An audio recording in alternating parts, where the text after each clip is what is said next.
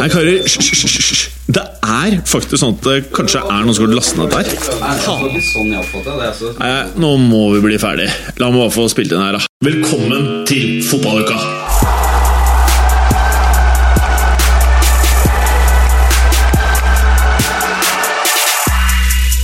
Hallo, kjære lytter.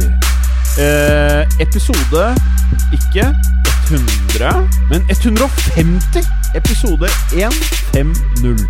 Hvem hadde trodd dette i 2010, Preben? Ingen. Og ikke i 2011 heller. Ingen. Og ikke i 2012 heller. Og ikke i 2013. Og det holdt på tre år uten å ligge Så vidt jeg trodde i sommer. Ja, Vi skulle overleve ja, men vi overlevde. ytterligere noen måneder. Ja, vi overlevde noen måneder til. Eh, og i dagens eh, sending eh, så skal vi jo selvfølgelig gjennom en aldri sliten Premier League-preview. Siste serierunde.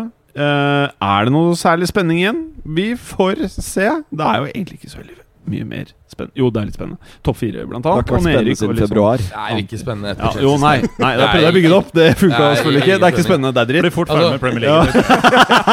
Altså, jeg, jeg, jeg så at et eller annet medium her skulle selge inn at det nå var spenning i fortsatt bunnkampen. Altså, Southampton skal gå på en durabelig kanonsmell, oh, durab- og ikke minst så skal Swansea plutselig eh, bli Barcelona på sitt beste eh, for syv år tilbake. Ja. Sånn over natten. Mm, det blir det ikke. Ja, Men de har jo Renato Sanch, eller er ikke han der noe lenger? Han er der, Han er vel skada, er han ikke? Ja, han ligger og er veldig Han lei seg, i hvert fall. Eh, og så skal vi da innom eh, Europa. Europa. Eh, og det passer jo veldig bra i en kommende Melodi Grand Prix-helg. Eh, og tar for seg litt eh, Europa, da. Serie A, selvfølgelig. Eh, det er jo høyaktuelle kamper nå til neste serierunde allerede. Og så må vi dessverre innom Bundesliga. Bundesliga. Bundesliga og, og vi spiller inn uten headset, kjære lytter, så vi, vi, vi, jeg, føler, jeg føler meg litt naken. Blir kaos. Det Blir kan vi love. Blir kaos. Og så kan vi forberede på litt sånn pubstemning, som du så fint kalte det, Preben. Det blir en og en halv ganger 100-episoden, tror du ikke det? Ja, ja, vi får se på det, da. Eh, så, hvis du ikke skjønte helt hva det er eh, du skal få i denne episoden av Fotballuka, så er det egentlig bare bra. For det skjønner egentlig ikke vi heller. Nei, det skjønner ikke vi heller. Så med andre ord, alt dette og nesten ikke noe mer i dagens episode av Fotballuka. Fotballuka. Fotballuka. Fotballuka. Og det var er tekniker Felix. tekniker Felix var her? Han var med forrige gang. Var Du hørte jo sikkert på forrige episode, du. Jeg har visst ikke fått hørt den ennå. Ja, å, det var jo litt eh, dumt, da. Uh, tekniker Felix, deilig å ha deg tilbake igjen. Ja, veldig hyggelig. Eh, du har jo blitt litt sånn primadonna du da på hvilke podkaster du orker å spille inn om dagen. Og vi er åpenbart ikke bra nok! Men De vi, som har, ga han en sjanse ja, i vi ga deg en sjanse når du var Vi liten. skapte deg, tekniker Felix. Vi skapte deg, Felix! Og nå vil du ikke ha, være sammen med oss. Det er ikke bra. Det er ikke bra. Det kan jo hende at eh, Preben faktisk skapte deg. I Ja, sin du ble Ja, skapt. hvem vet? Ja, Kanskje Preben er faren din, Felix? At det kanskje er fysisk mulig. Jeg vet ikke. Jeg er sikker på vi har sett mange av sønnene dine i lokalet her uten at vi vet at det er sønnene dine. Antageligvis. Du Noe annet ville egentlig overraske meg. Ja. Mm. Berger, kan du teknisk sett være sønnen til Preben? Nei. Ja, jo, det, det, det kanskje. Hvor det, tror du? Jeg var kjønnsmoden da jeg var to eller tre år. nei, men altså, det kan hende at jeg ble gitt et serum som gjør at jeg bare vokste raskere. Eh, ikke sant? Be Benjamin Button omvendt med steroider? Helt riktig. Ja. Ja. Riktig. Aha. Aha Preben, Nei, Felix, hvor skal du? Åh, oh, Teknikeransvaret hviler i hendene til ingen akkurat nå. Eh, det er greit. Det er det man eh, kan forvente seg av en sånn celeber tekniker som Felix. Eh, Premier League, folkens. Vi må starte med litt fotballting. Etterfulgt av at jeg selvfølgelig får høre om siste fotballuke. Du, Gallosen, har jo hatt en litt spesiell fotballuke. Jeg har hatt en veldig spesiell fotballuke. Ja, Og med det så mener du hva?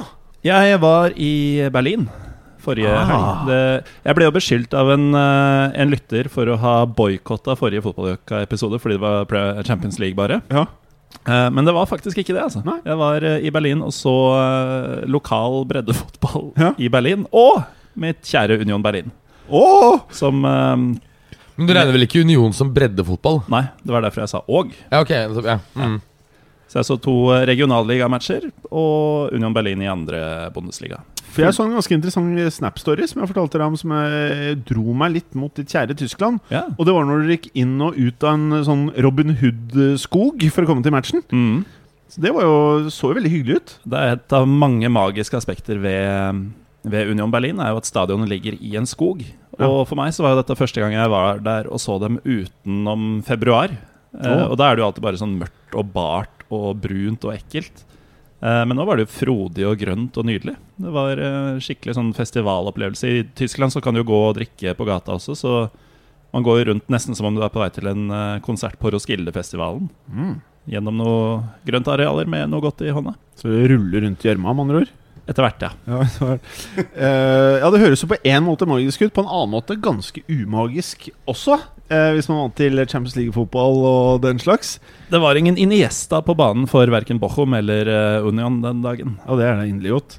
Men var det noen Kroos? Eh, ja. Det Felix, vet du. Ja. Ja, ja. Tekniker Felix Kroos på midtbanen til, eh, til Union.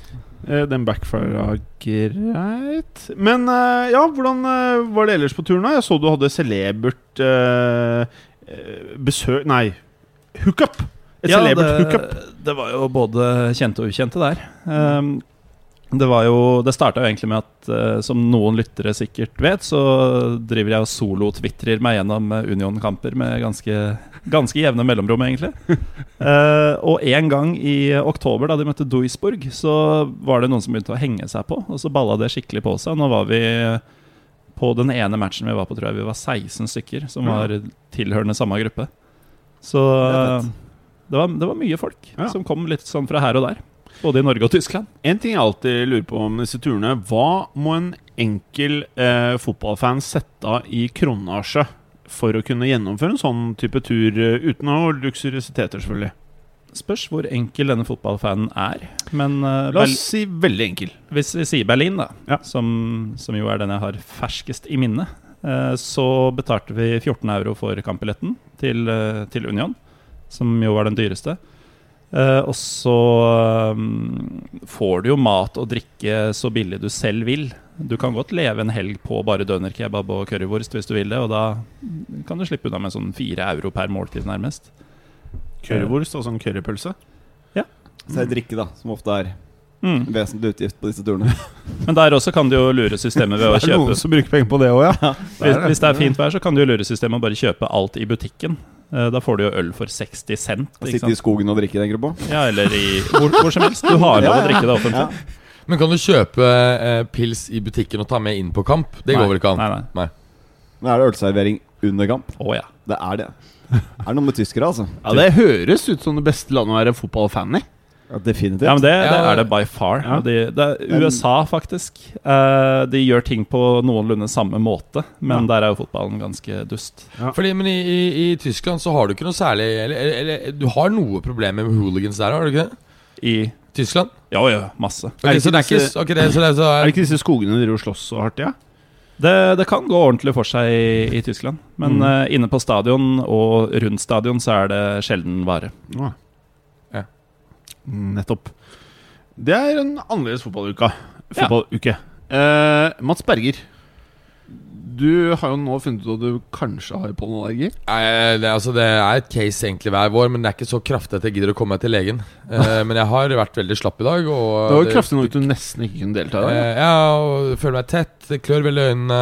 eh, klør egentlig ganske mange steder på kroppen. Og er litt sånn downbeat. Downbeat, ja. Ja, På tross av at Juve var eh, knallbra i, um, Foregårs. i, i forgårs. Eller var det egentlig bare Donnarumma som var helt ræva? Ja, altså, Hans, jeg, jeg vant jo 4-0 over uh, AC Milan i, uh, i cupfinalen. Ja.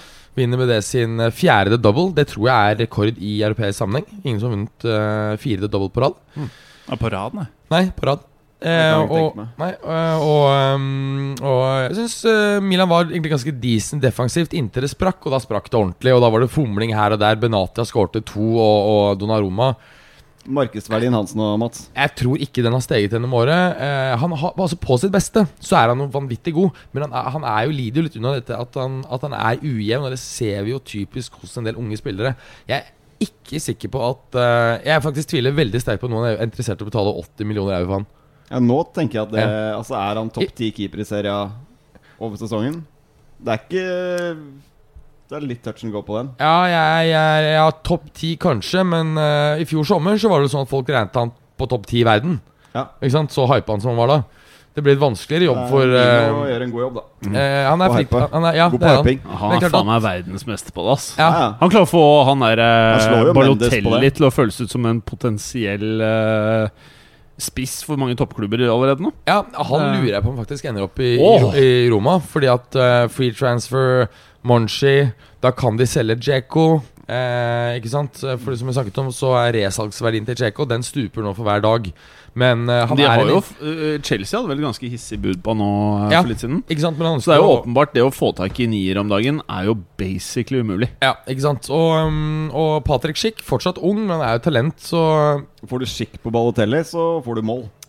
ja. Hvis du klarer det. Ingen som har klart det hittil, da. Hvis du, hvis, altså, hvis du får skikk på Balotelli, og så har du i tillegg Patrick Schick, så har du dobbelt skikk. Og Ja. da kan det bli ganske bra. Han er litt sånn som Oxlade Chamberlain eh, i Arsenal. Bare en sint og fæl Oxlade Chamberlain. Eh, du vet det bor en eller annen atlet i mannen, men du vet liksom ikke hva som er eh, Hva som er potensialet som fotballspiller. Ja, og er det, det, det, det, er vanskelig å se hvilke knapper du skal trykke på. Fordi plutselig, litt mot alle odds, så gjør han det dritbra. Og så når han egentlig burde gjort det bra, så er kollapser han fullstendig. Ja. Uh, men Så kontrakten med NIS går jo ut, så, så han Så vil det å rose han for mye, sånn som du gjorde i Milan, Ja, det det, hjelper ikke. Nei. Det å være sånn. sint virker som det heller ikke hjelper. Nei, Så det må liksom bare være at han får det for seg, da. nei, jeg tror det er greit at han Du må bare la han være. Bare la han surre rundt sjøl, liksom, og så bare La Balotelli være Balotelli. La han være Balotelli, og la han surre rundt, og så bare passe på at han møter opp i matchene. Ja. Slik at ikke han glemmer når det er og sånne ting. Ja. Det, Det, kjøre han til match. ja, ja. For jeg husker jo På det tidspunktet så var det jo både Pato, Balotelli og hva heter Niang. Eh, det var jo de tre spissene til AS Milan. Alle var liksom mellom 19 og 5, 23, 24, eller hva det var. ja. Og det var jo liksom Man tenkte jo at dette her var jo Her har du tre av de fremste talentene for de neste ti årene. Ja. Så har vi bare gått rett i dass med alle tre. Og jeg tror jeg tre ganger siden vi startet, eller siden jeg ble med i denne podkasten, tre ganger så har jeg annonsert at denne helgen var Niangs store gjennombrudd. Ja. Nå kommer vi til å se han bli den nye, nye Henry. Hver gang kanskje har det feila fullstendig. Det har blitt litt sånn hesse av hele gjengen. på en måte Å, Pato. Pato mener jeg på sitt beste var bra, da. Ja, Pato var jo bra, det ser du på statsen hans også, så han er Men han ble eh, bare most. Ja, med skader, og det var mye andre ting som gikk der. Det er nesten så jeg har glemt at han var innom Chelsea. Faen, det var Det han. er sånn man bare Ja, liksom det nesten glemmer. Ja, altså, han fikk jo knust knærne, og så fikk han knust hjertet av dattera til Berlusconi, og da var det jo bare Knærne ble knust av Berlus Ja, ja, far Berlusconis. Nei, det var vel, var vel eh, noen taklinger, tror jeg. Bra, Berger. Eh, hva har du gjort siste fotballuke, Preben? Jeg har, uh, har jo hjertet i Lillehvit uh, Lille, Liljehvit, heter det, Lillehvit, ja. av London. Så jeg jeg satt med ganske høy puls på onsdag. Ja. Da, Apropos liljehvit, så ser jeg deg gjennom Ja. en sånn liljehvit orkidé. Ja, du ser egentlig altså. ganske flott ut der. det er ganske digg da Tottenham sikret Champions League-plassen, for de har vært ganske crap de siste ukene. Uoptimale. Og, um, de kunne fort ha Og de ble jo rundspilt til tider av Newcastle også. Men er det ikke mange av disse topplagene nå som eh, er litt most om dagen, da?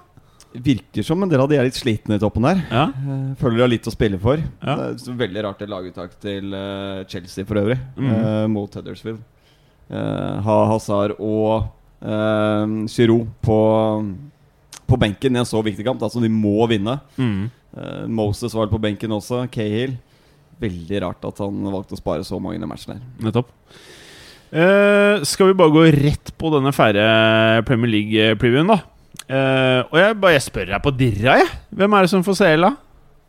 Ja, nå er det, Jeg kan ikke skjønne at eh, Liverpool klarer å rote bort dette. her Nå har de Brighton hjemme i siste kamp. De må tape den eh, matchen, samtidig som Chelsea må slå Newcastle borte. Det vil jeg jo tro at eh, Chelsea gjør. Men jeg, jeg kan ikke tro at Liverpool klarer å unngå å få et poeng, i hvert fall mot Nei. Brighton, i en kamp som ikke spiller noen rolle for Brighton i det hele tatt. Det hadde jo vært helt utmerket noe Liverpool kunne gjort. Det Liverpool-laget vi har kjent i snart 30 år. Eh, og selv under Klopp så har vi sett da de ble most mot Swansea et par ganger på Anfield de siste årene. Men eh, her det, det kan ikke skje. Ja, det er for eh, mye på spill, tror jeg. Uh... Ja, og en uavgjort hjemme mot Brighton, det, det gjør de blinde hvis, de, hvis det er det som må til. Ja, Tipper de vinner 5-6-0. jeg. Jeg tror, jeg, jeg tror Klopp kommer til å Jeg tror ikke han tar noen sjanser. Jeg tror han topper laget altså fullt. Alle de beste. Nå er det vel 14 dager til Champions League-finalen, så det er jo god tid til å hvile. Men ja, det, det er jeg helt enig i. Samtidig så har um, Liverpool fremstått de siste kampene som uh, ganske slitne. Ikke sant? Det er jo en, en smal stall de har, og Salah har vel ikke skåret nå på den tre-fire kamper. Um, jeg, jeg, når du på en måte har presset spillerne såpass knallhardt systematisk gjennom sesongen Det vil tror jeg være et lite handikap i Champions League-finalen. også. Og de har jo hatt veldig lite rullering på laget. Mm. Det har de. De har jo vært, i hvert fall i det siste med de skadene de har hatt på midtbanen spesielt, så har de vært nødt til å kjøre de samme i hver eneste kamp. Så men, altså, er det ett lag som kan drite seg ut på dette, her så er det Liverpool. Er Ja, det er det. Som kan blowe dette her nå og ende på femteplass i Premier League og tape Champions League-finalen, så er det Liverpool. Men, men det, jeg syns det var trist at ikke Chelsea greide å ta tre poeng der. For da hadde vi fått på en, måte, en veldig veldig spennende helg nå. Nå er det egentlig totalt uinteressant, eh, hele driten. Ja, for jeg tror ikke altså, de fleste Tottenham-fans følte seg sikre på at de hadde slått Leicester i siste kamp hvis de hadde Nei. måttet vinne. Eh, der kunne vi fort avgitt poeng og endt utenfor topp fire. Mm, Så det var den Huddersfield-kampen som ødela egentlig alt det lille som var av spenning i, i toppen. Men uh, vi må jo gratulere Huddersfield òg, da.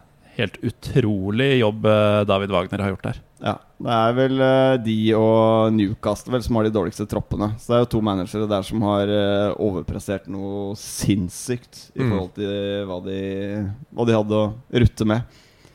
Eh, Da Newcastle gikk ned, så bygde de jo om til en knallsterk championship-stall. Og så kom de opp med det, det funka. Men de, de omgjorde jo ikke den til en noenlunde eh, Premier League-stall. Nei, altså så tar vi som eksempel Dwight Gale. da Ja. Han er jo en jævlig fet championship-spiller. Men han er ikke like fet når han kommer i Premier League. Selv om han faktisk har, har Han har, jeg har jo skåret noen mål, i hvert fall. Men, eh, men han er jo ikke en uh, spiller som er tilpasset uh, uh, Premier League i det hele tatt.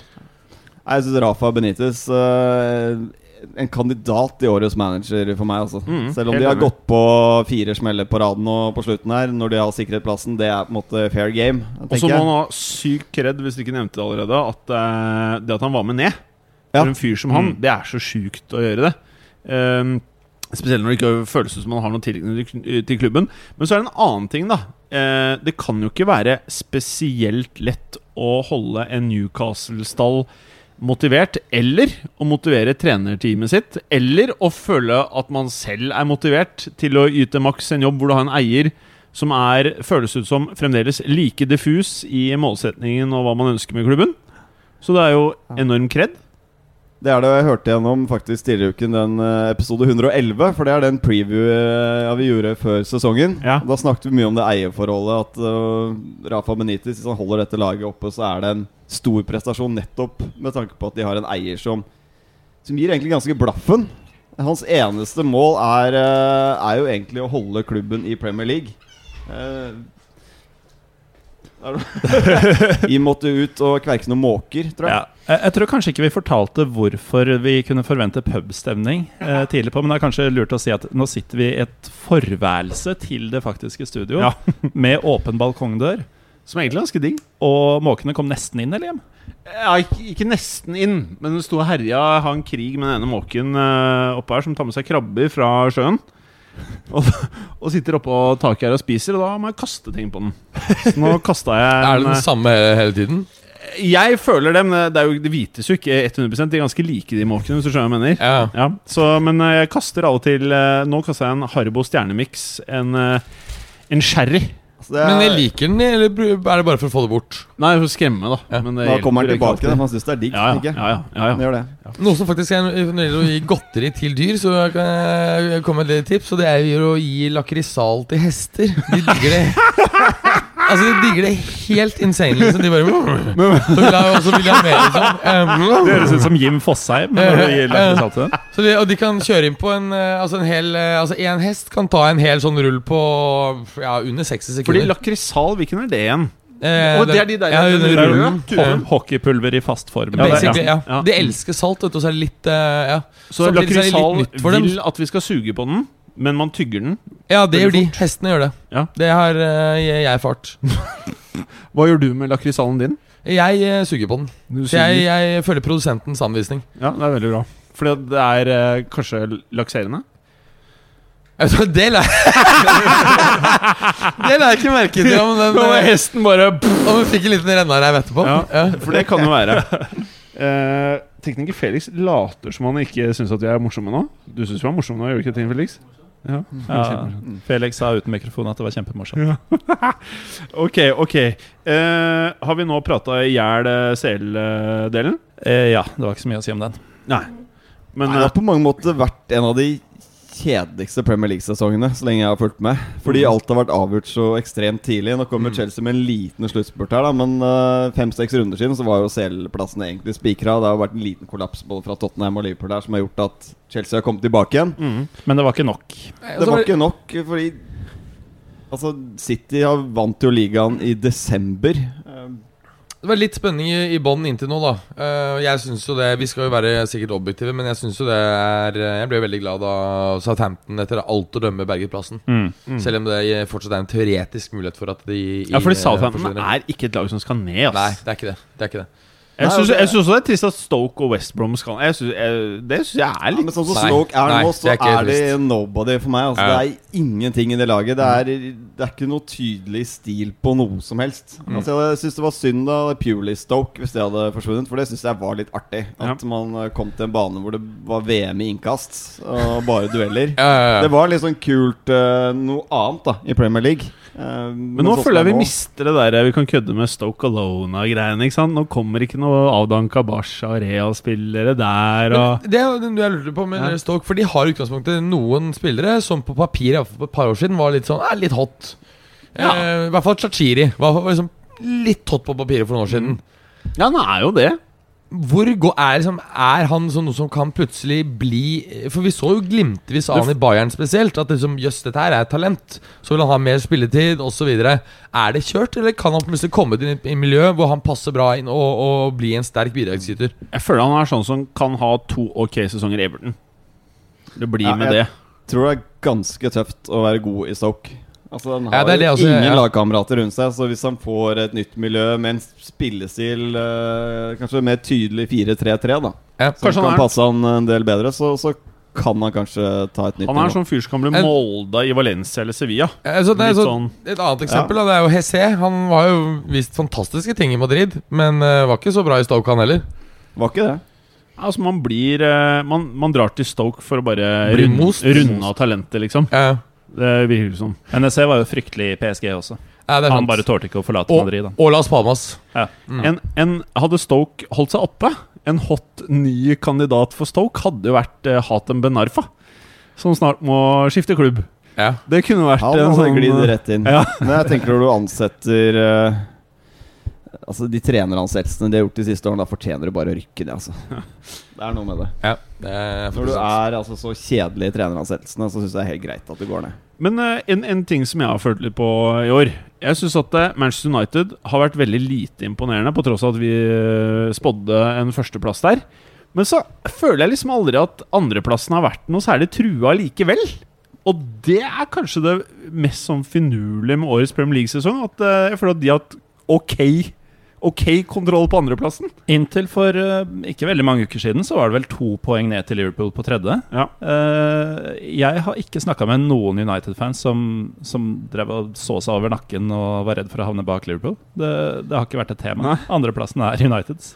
Og det har den også vært siden desember, selv om den ikke har blitt spikra før nå. vi husker jo alle at eh, Mourinho gikk ut og sa når han fikk spørsmål om eh, Ja, eh, hva må til for å berge andreplassen, sa han uh, samme for meg om vi havner på andre eller fjerde. Og da føler jeg liksom lagt lista litt, da. Og jeg tror for Mourinho så har det ganske mye å si om han blir nummer to eller nummer fire. Mm. Eh, så kanskje det, sånne type ting også har vært med på å liksom påvirke litt, da. Eh, hvordan folk ser på de plassene etter førsteplassen. Det føles som at eh, så lenge du får topp fire Hvis du ikke har sjanse på førsteplassen, så har du gjort en god sesong, da. Føles det som nå i dag. Men United har jo eh, Det er vel den høyeste poengfangsten deres siden Ferguson. Eh, og også en, eh, et, en poengfangst som mange ganger tidligere ville holdt til gull. Ja. Så har vi sittet uke etter uke og snakka om hvor kjedelig United er. At det, hvordan, hvorfor spilte de bare uavgjort her? Hvorfor skårer de ikke flere mål?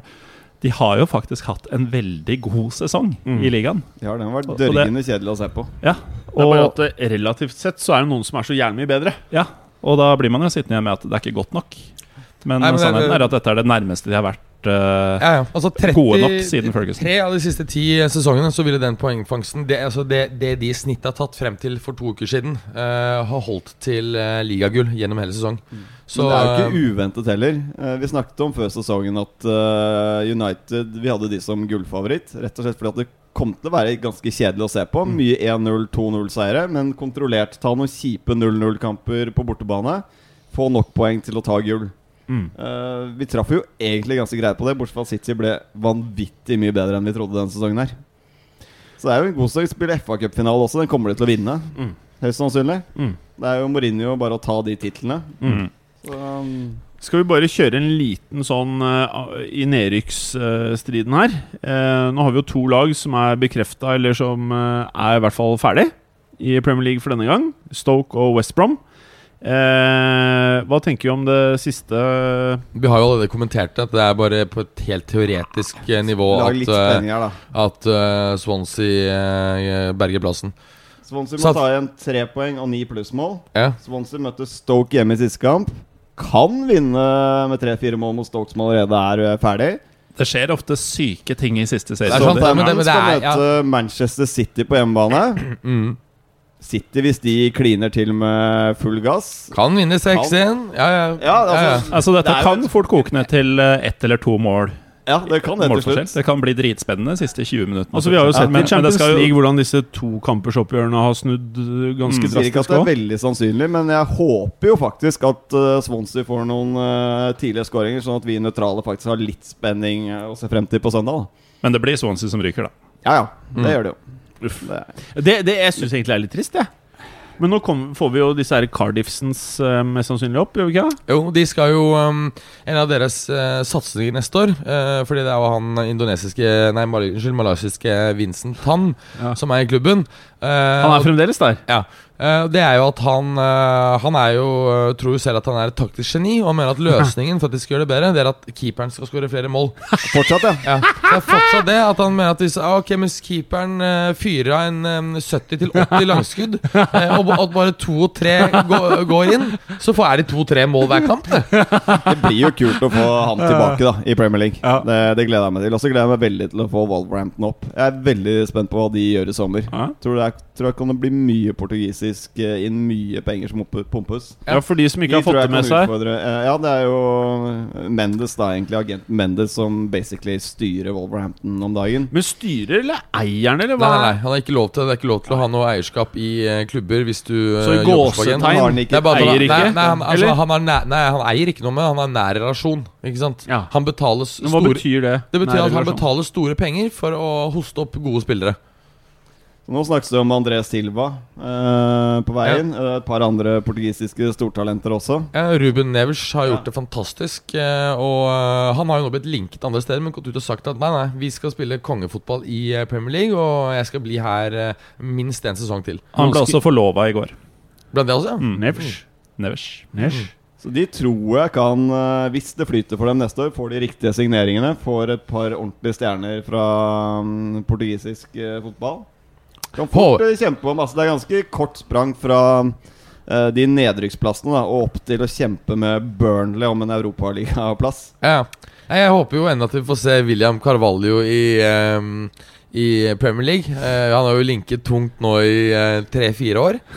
Um, eller så er det også Av deg? Ja, meg, ja, meg helt riktig. Uh, og så har Han du og Gaitan.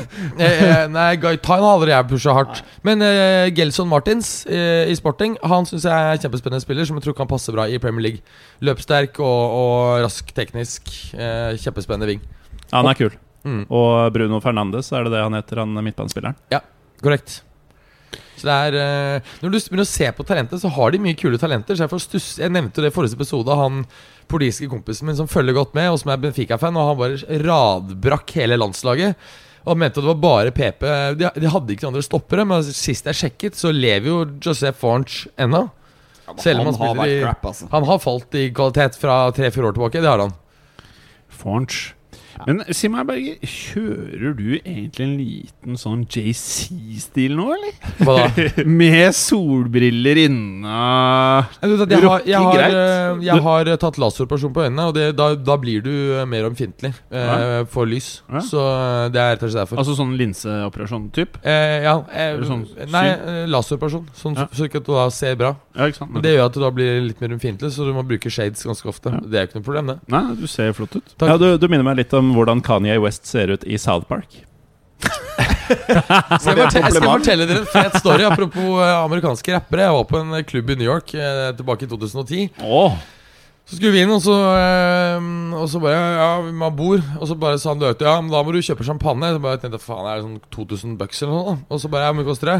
95 dollar? Jeg, ingenting, ikke sant? Jeg er jo, for tre øl for i Oslo. Så jeg bare sa, ja, men legg fire på kjøl med en gang, da. Så satte vi oss ned, og så um, du er Kanye West, Så, så setter vi oss ned, så hvis, er det, det er liksom to kule bord som er midt i lokalet. Så er det en kar på andre siden Han er det noe kjent med. Og så Han var jævlig kul kledd, hadde shades inne. Mens de rundt han De var sånn, så mer sånn gategangster ut. Så møtte jeg en han satt uh, sammen med, i, i, og så bare faen Er det her Fabulous? Er det oh. det? spurte han. Bare ja, kjente du den? Kult, bli med bort og hils. Så jeg hilste på Fabulous og satt der i kul skinnjakke i en mørk klubb med solbriller. Og fordi, Og champagne. Hæ? Og champagne. Og champagne. Og du bolla greit, da, men for de av dere som da ikke vet hvem Fabulous er, som er vokst opp med Lill Yachty og den gjengen der, og Migos og hadde Quavo hatt to-tre Så- kule låter. ja, som var Fabulous hadde jo. Breathe! Ja, Og så du. Traded Old Part 2 Ja. sammen med, Ah, sammen med uh, Diddy. Ja, Den er fet. ass. Du, du minner om Diddy òg, du, fak- Den satt satte jeg faktisk på på nachspiel nå i, i uh, forgårs. Å, Ja, ja. faen, du er faen meg rockstar, du. Nei, ikke helt. Ok, tilbake til fotball. Eh, så vi har vel egentlig bestemt oss. Det er Stoke, West Brom og Swansea som rykker ned. Ja, Og Liverpool tar fjerdeplassen. Og Liverpool tar fjerde. Veldig bra. veldig bra, veldig bra Europa, Mats Berger. Der har vi en liga som eh, tilhører det italienske eh, delen av Europa. Ja. det er helt riktig. Det har du en uh, Eh, du point. Si meg da er, er, er, er du fornøyd? Følte du det var spenning om den der førsteplassen, eller var du eller var du egentlig ganske Ja, sikker jeg, på at dette jeg, gå? jeg følte faktisk i år at det var en viss uh, spenning. Og uh, det syke er at jeg syns det er trist at ikke Napoli tar det. For det er ikke bra for en liga når uh, et lag vinner eh, syv år på rad. Da, da begynner det å Det blir det, det er noe med det at de gir heller ikke eh, Juventus-fansen en dritt å vinne den uh, skudettoen. Det er derfor eh, Real Madrid bare la jo Barca vinne noen sesonger. Ja, det er mye fetere. Sånn at det blir, eh, Ja, ja, sånn, så, sånn at det blir litt spennende. Skjønner du? ja. Så, og så har du dette med Napoli nå at um, det føles litt som på en måte Det er en syklus som har tatt slutt. De har vært nær ved å vinne.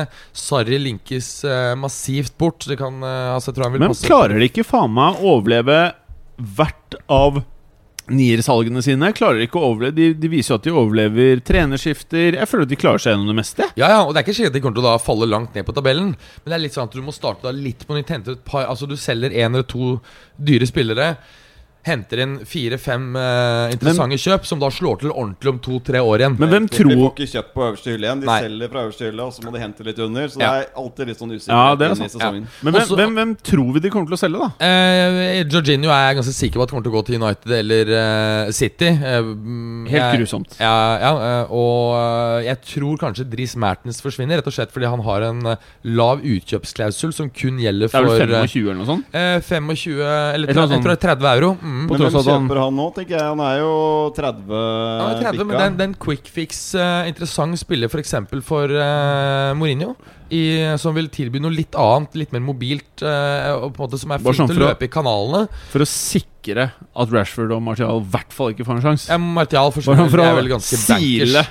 Eh, ja, men han kan sp Poenget er at Mertens kan spille både venstre, midt og høyre. Så han er veldig fleksi, og Martial kommer antagelig til å forsvinne. Ergo så er det en smart uh, innbyttergreie der. Men enda smartere er det for de som ender opp med Martial. Ja, og For det er vel 30-40-ish. Det er vel Juventus, det. Det er vel det For at de eh, Altså United trenger venstreback, og da er det jo Alexandro. Vært bud på 70. Så hvis du ser Eh, på det skal jeg fortelle dere. Eh, det der Alexandro-greiene. eh, Han er for god. til at de klarer å hente Alexandro. Det må bli et eller annet Nei, nei. kokos. Men han er for god til at de greier å ødelegge han. Det er derfor de må hente han. Det er det de har skjønt. At det, sånn, han er den eneste som er mulig å hente, og som er for god til at de, at de makter å ødelegge han. Men han har ikke vært så god i år. Nei, Jeg han tror hadde faen mye meg de klarer å knekke mye han i nå. fjor. Jeg så på statistikken uh, han mot Marcelo, som måtte mange regner som beste venstrebekken sånn all round. Han slo han på alt, inkludert det offensive. Og når det gjaldt eh, f.eks. avskjæringer, så hadde han dobbelt så mange. Da er det i fjor, ikke sant? Da er det på i fjor. Ja. Eh, I år så har han vært eh, faktisk Det kødder ikke. Han har vært dårligere enn Kvadvo Samoa, som Juve lar gå gratis. Altså Jeg er litt enig. De gangene jeg har sett uh, Juventus gjøre, så syns jeg Sandro har vært uh, ganske middels. Jeg, har- jeg har ikke lagt merke til han i det hele tatt. Nei, men det som er fett, er at fordi konsensus er at eh, hans hode bare har vært et annet sted. Derfor så tror jeg ikke de har gjort så mye med prisen. Så jeg tror det Juve nå prøver, til å, prøver å gjøre, det er jo også røske ut uh, Martial eh, og Darmian, og så 20 på toppen. Ja, ikke sant? Da begynner det å bli ganske ok. Eh, eh, og selv uten de 20 på toppen, så er det en knalldeal for For Juve. Lichtsteiner er ferdig, eller? Hans kontrakt går ut, og Men han er nok en fyr som blir han skal videre. Men jeg synes han, Som han ligger ren høyrebekk. høyre Ja. Mm. Darmian, tenker jeg på. Ja. Men, eh, men, Men- men- men- men- men men- Juve får jo eh, Leonardo eh, Spinazzo, da. Eh, og det er jo Ja, han som de regner med at det er derfor de er villige til å selge han. For han eh, tror man kommer til å bli hot, da. Og så kommer jo i tillegg Mathia Caldara inn eh, jeg- fra Atalanta. jeg, jeg liker alt du sier, men jeg klarer ikke å se for meg Manchester United med en så god back. Nei, du må tilbake til Patrice Evra, da. Eh, Nei, det her tror jeg ikke skjer. Nei, men, han, han, men han Nei, jeg skal tipper gå. det blir heller noe sånn Danny Rose. ja, no, ja, liksom noe sånn, da. 50 mil pund Danny Rose. Nei, Ja, vi, vi, lo, vi lo da sitte gjorde det samme på andre sida med Walker, og det funka jo som jo, men hvor, hvor skal Alexandro gå, da? Han skal bort. Ja, jeg, jeg vet ikke, jeg, Mats. Men jeg bare Jeg vet at United på venstreplassen Det blir for lett å kjøpe Alexandro. Nei, men det er- De det- må finne på et eller annet ugagn. Jeg, jeg tror ikke at de har, gjort, de har gjort det nok. Og så skjønner jeg at det finnes bare én spiller som ikke vi greier å ødelegge på venstreback, og det er Alexander. Og han er dritmotivert for å spille der. For det er motivasjonscasen Nå har han blitt han linka til United. Ja. Ja, ja. Tungt. tungt. mye. Mm. Ja. Tror det var Danny Rose jeg, som det var det mest Nei, det har vært helt off siste Nei, men han og Rose har linka i to år, begge ja, de to. kan, føler. United kan finne på å kjøpe begge. Ja. Nei, nei, nei. Det, Jo, jo, jo. Ender ender Danny Rose som defensiv midtbanespiller.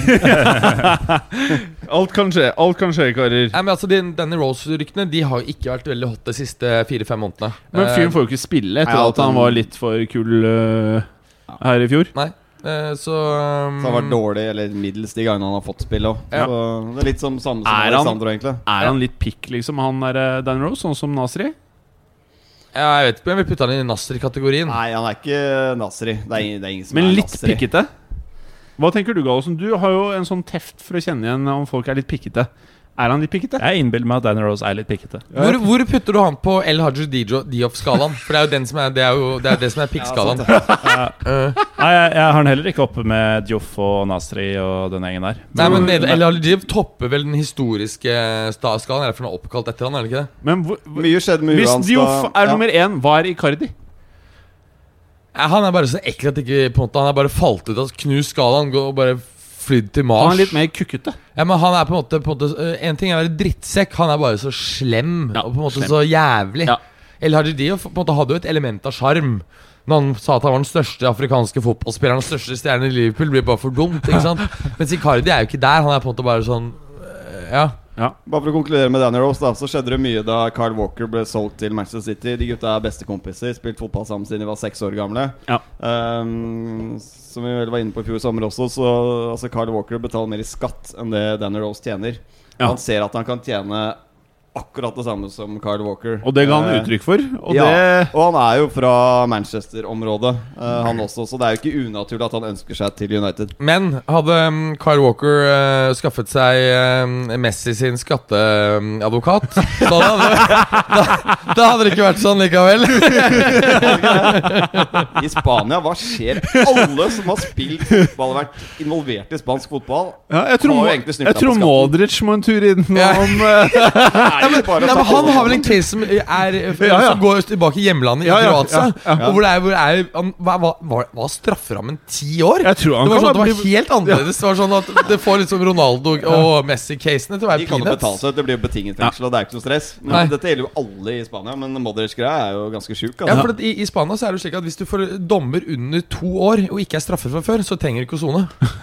Det er ganske Det er, det er bare sånn Det er ikke nedside ved å jukse. Nei, nei. Det er bare De har fjerna nedsiden. Ja, ja, ja, det er bare pass på at du, men du kan bare, du kan bare jukse én gang, ikke Ja, flere å, ganger. Okay. For Så du bare gjør det for da- først, ja, for så da- gjør det første gangen når du blir tatt, så Ja, da blir gjør du ikke igjen, liksom. Nei, helt riktig. For at jeg mener at alt det der svineriet starta med Beckham, var det ikke det? At de Jo. måtte fasilitere Jo, den Spania måtte fasilitere for at Beckham kom til Spania. Han måtte ha mest mulig penger, sånn at det ble bra. Ja, men det er fint. Ja, det var den Beckham-loven. Eh, det den sa, var at uh, utenlandske statsborgere som uh, uh, kunne bo inntil fem år og ville da få helt spesielle skatteregler. Årsaken til denne loven var fordi man ønsket å tiltrekke seg høykompetent arbeidskraft. Ikke bare da fotballspillere, altså, men til finansindustrien.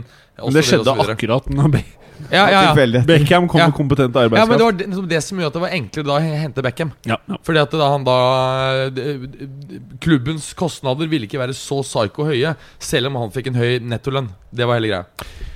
Bra, Mats Berger. Uh, er det noe annet man kan si om uh, Serie A? Altså, Altså, CL-plass snakker vi om Serie A nå.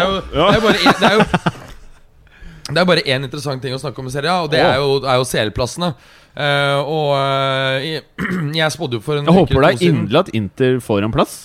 Uh, ja, det, jeg tror de aller fleste objektive håper jo at Lazio uh, skal få den plassen. De har jo vært det laget som har vært uh, mest eh, spennende å se på. Slipper inn eh, mye, skårer mye mer. 85 mål skåret eller noe sånt.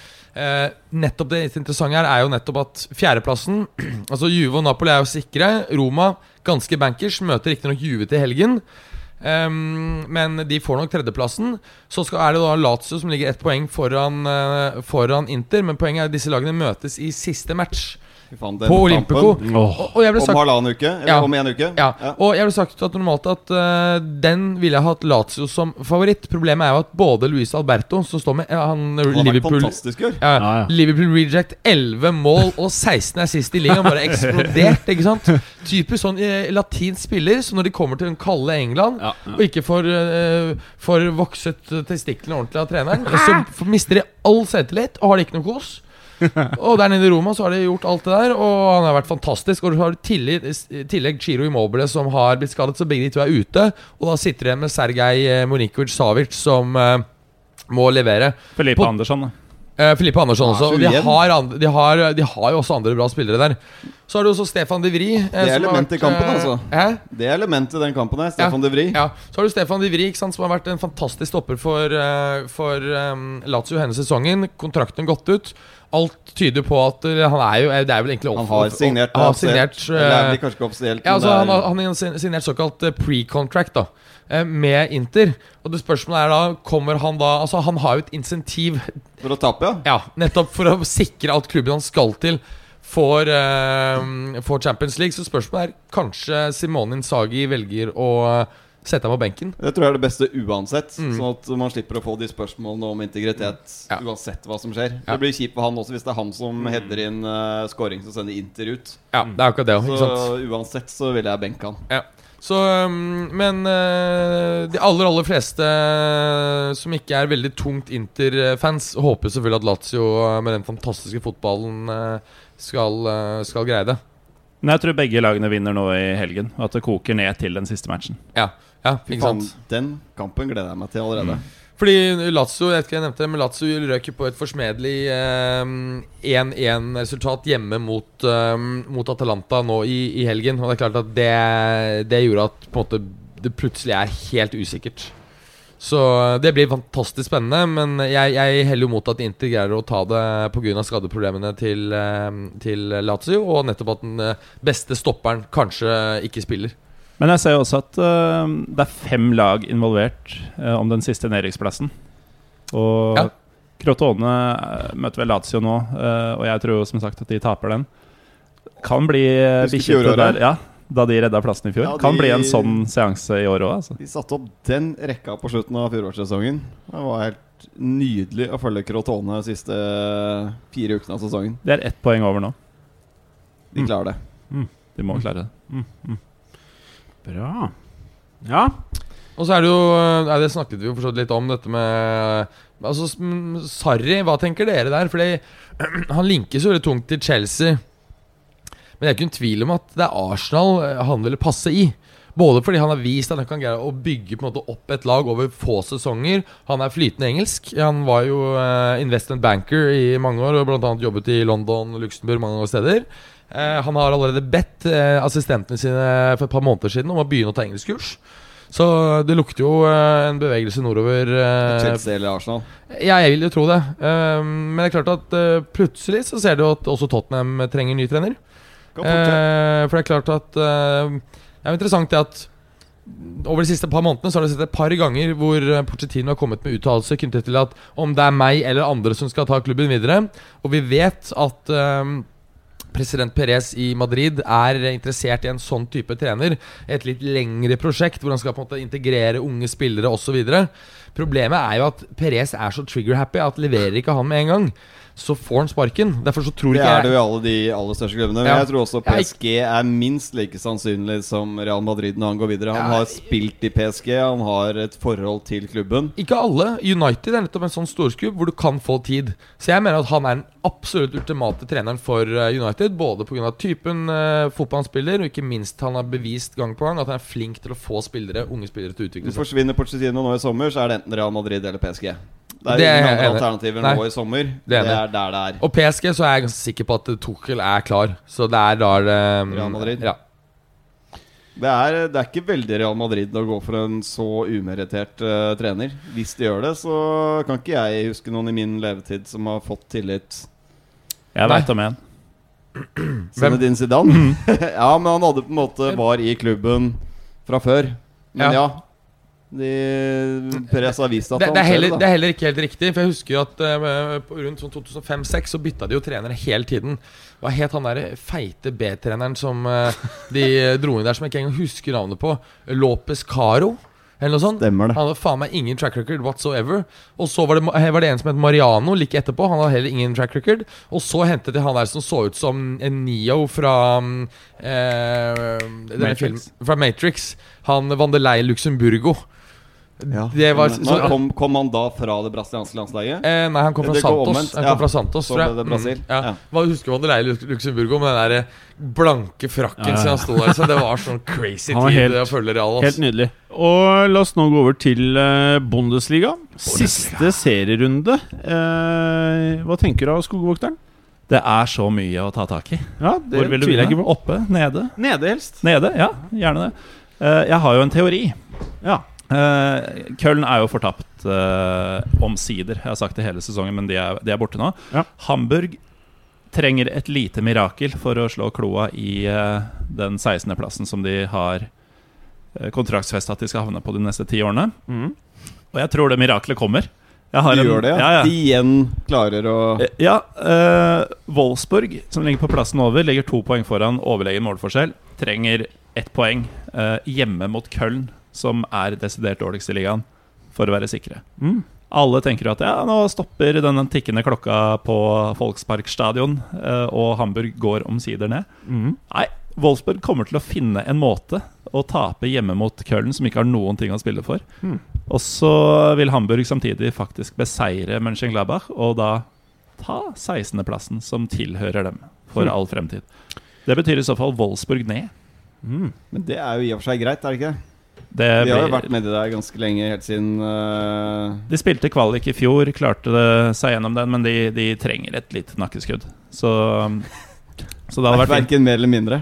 Ja, men det er uh, ingen vil savne Wolfsburg. Uh, og veldig mange vil jo selvfølgelig synes det er veldig gøy at Hamburg som Det er jo de som hevder at det burde vært det nordlige Bayern München pga. alle pengene i Hamburg, pga. størrelsen på byen. enorme ressurser der i utgangspunktet. Uh, og det pumpes faktisk en del penger inn i klubben også. Det burde bare forvalta på helt forkastelig vis. Mm. Jeg trodde um, Volkswagen hadde um, stoppet litt opp med å Ja, Nå snakker vi om Hamburg. Og, ikke Wolfsburg. Nei, nei. nei. Uh, men Hamburg er jo da den tikkende klokka jeg snakka om, for de som ikke kjenner til den. De har jo et uh, ur på stadion som teller hvor mange år, dager, timer, sekunder osv. som de har vært i toppen. For de er det eneste laget som har vært med i Bundesliga i den profesjonelle formen da, siden den ble stifta. Oh. Uh, og et nedrykk der vil jo være så ikonisk, for da vil jo den klokka rett og slett stoppes. Og veldig trist. Ja, for, for veldig mange, da. Så har det jo selvfølgelig Hamburgs naturlige fiender, som jo, det jo tross alt er mange av, spesielt St. Pauli, gleder seg jo veldig til både at den rekorden skal ryke, og at de skal få et derby i Hamburg neste sesong. Er du en fiende Hamburg? Eh, nei, jeg er egentlig ganske likegyldig til Hamburg. Jeg er en delvis fiende av Wolfsburg, som sikkert gjør at jeg jeg Jeg drømmer nok litt når jeg sier at de kommer til å tape hjemme mot Köln. Ja. Uh, og jeg har heller ikke snakka med noen som tror på den teorien min. Men uh, jeg kan ikke skjønne annet enn at eh, Hamburg blir nummer 16, for det skal de bli. Apropos forvaltning av midler. Eh, du som følger eh, mye med i Tyskland. Hvordan vil du si at nivået på Bundesliga utvikler seg? Er, det, er trenden at det jevnt over blir et høyere nivå? Eller er det eh, stagnert? Eller for at det kanskje går ned? Jeg tenker nesten at det har gått ned, hvis man ser på resultatene i Europa først og fremst. Um, Men også at det, det er ikke Nå er det jo andre året på rad at eh, Dortmund, som man tenker på som Bayerns utfordrer, ikke er nest best i ligaen. Eh, og, og, og det er ikke noen sånn klar gjeng som er bedre eller dårligere enn andre. Nå har du uh, Leipzig på sjetteplass, uh, har null i målforskjell. De kjemper om Champions League fortsatt. Frankfurt på plassen bak, fortsatt i kampen om Europacup, har ett plussmål. Så har du seks lag på minusmål som fortsatt er på midten av tabellen. Det er liksom ingen som har, utenom Bayern, da, så er det ingen som har eh, pekt seg ut eh, positivt. Og det er nesten ingen som har pekt seg ut negativt heller. Det er bare en jevn smørje. Som jo gjør ligaen dritfet å se på. For du, du får jo ikke en satt eh, tabell, sånn som vi har klaga på i, i England f.eks. Et lag som ligger høyt oppe til jul, kan fortsatt rykke ned. Um, men nivået er nok så som så i forhold til glansdagene for et par år siden, da du hadde et heltysk finaleoppgjør i Champions League, blant annet. Mm. Bra.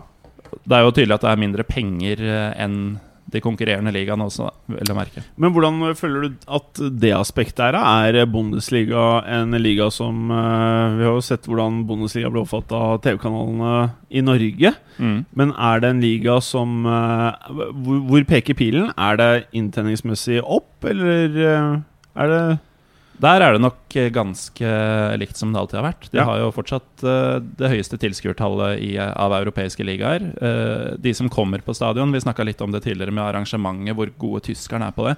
Jeg tror nok, eh, bortsett fra Altså Hvis du tenker når du har kommet innafor stadion Når du har løst billetten din og kommet inn på stadion, Uh, dvs. Si utenom sånne besøk i Megastore hos eh, Manchester United, som de gjør før kampen Inne på stadion, i kiosker og diverse sånn, tror jeg ingen legger igjen mer penger enn tyskerne. Mm. Fordi eh, de har en grunn til å komme tidlig. De tar det som en hel dag. Eh, de tar middagen der og, og drikker øl, selvfølgelig. Um, så, så, så de tjener penger på samme måte og i samme skala som tidligere, men de ser jo at eh, de blir akterutseilt av de mer kommersielle ligaene. Spesielt denne 50 pluss 1-regelen som tyskerne, i hvert fall tilskuerne og folket, er veldig veldig glad i. Den ser du flere klubber eh, er usikre på om de vil beholde. Fordi den Kan du si litt om du- den da, regelen? Det er kanskje greit, for det er ikke sikkert alle vet hva den regelen går ut på. Du kan eh, kort fortalt ikke få en eh, En hovedeier eh, som ikke er Uh, al Altså Du har en, selv, du har en selveiende stiftelse som eier 51 Du Så det er kun 49 så det er mulig å kjøpe. Du vil alltid ha flertall av stemmene hos klubbmedlemmene. Det var akkurat det jeg sa. En Ja. selveiende stiftelse som eier 51 Så du kan kun som investor kjøpe 49 Det interessante når økonomien i Bundesliga Men- er at i motsetning til andre ligaer så utgjør eh, inntekter på kampdag, altså inkludert billetter, en betydelig større del av den totale inntektsbasen enn det, det, det du ser andre steder. Så de har mye å gå på når det gjelder kommersielle inntekter knyttet til sponsor osv. Eh, Så kan du snu på det og si at eh, andre ligaer kanskje har mye å gå på når det gjelder å få så mye ut av eh, tilskuerne, altså inntekter på kampdag. da Mm. Så det er en, en, en stor forskjell i den økonomiske strukturen i Bundesliga versus de andre ligaene. Men eh, hva er din oppfatning av dette, Gallosen? Er det sånn at eh, Bundesliga holder fast ved en gammel måte å gjøre fotball på? Eller er dette her bra, og at uh, land som uh, Premier League kommer til å få smake smekken på et eller annet tidspunkt? Det er jo lett å tenke at uh, spesielt Premier League, men også uh, disse G20-klubbene, eller hvor mange det er nå, eh, at det er en boble som må sprekke. Men uh, man ser jo ingen tegn til at den er i ferd med å gjøre det. Snarere tvert imot. Den blir jo bare større og større. Og, Ja, Det er vel bare TV-rettighetene for eh, Premier League gikk jo ned, da. Eh, nå. Interessant å se intervju med Øystein Wenger nå, som sa at det er eh, bare et tidsspørsmål før en superliga er på plass, og de kommer til å spille i helgene. Og at nasjonale ligaene kommer til å måtte spille onsdager. Mm. Mm. At det blir en omrokering på det. da At stormatchene blir hver eneste helg rundt omkring i hele Europa. Ja. Og Og det, det er ikke tror jeg også kommer til å skje på et eller annet tidspunkt. Ja, for Så det- skal man si dessverre. Nei, Men er det dessverre lenger? jeg- du det var egentlig dessverre for noen år siden, men nå har jeg bare Jeg, jeg er mindre og mindre lojal til klubben jeg heier på, som er Real Madrid. Jeg blir mindre og mindre lojal til en liga. Jeg synes det er hvi- hvi- Hvis Bayern München spiller, så er det dritkult. Hvis Barcelona spiller, syns jeg ikke er dritkult, men jeg ser det hvis det er en annen spansk klubb som spiller mot dem. Og så har du da Juventus, og du har City og alt dette her. Så det er egentlig blitt litt sånn at alt dreier seg om penger. Det er jo det kommersielle her. Ja, og, og, og liksom å holde i det der gamle greiene om at man Jeg spilte tror Jeg man bare andre må akseptere det. Ja, jeg bare Jeg tror jeg, tror jeg prøver å lure meg sjæl, hvis jeg snakker for min egen del, da ved å liksom uh, være tro mot en klubb eller tro mot en liga. Jeg, ja, jeg tror ikke på det lenger, rett og slett. Nei, da, at og så- og så er eh, at- nå er det penger, så men, men, men, men, men bare, for, bare for å gjøre ferdig, da Så syns jeg at det er veldig interessant, sånn som den skogsturen du har vært på nå. Da. Det er jo sånn det burde være hvis, hvis du er opptatt av fotball av helt andre grunner. Og det er jo ting jeg skulle ønske jeg hadde i meg. Jeg skulle ønske at jeg var motivert nok til å dra til Tyskland, gå gjennom en skog, drikke øl i skogen, og så se en kamp med et lag hvor jeg ikke kjenner til en eneste spiller. Jeg skulle ønske det! Kjenner Men- til Kroos, da. Ja, ja. ja. Kroos. Men sant, Felix eh, Kroos. Men poenget er, ikke sant, er at um, globaliseringen av fotballen har gjort at um, de, de største klubbene i hver enkelt liga har fått 100 ganger så mange fans, mens de lenger ned har fått 50% flere. Eh, og det har gjort at um, du har fått nærmest sånne enlagsligaer som eh, Bundesliga. Nå er jo plutselig Serie A, som ikke var det for noen år, år siden, blitt det. Og da er det Nei, vil ikke det Serie A, vel?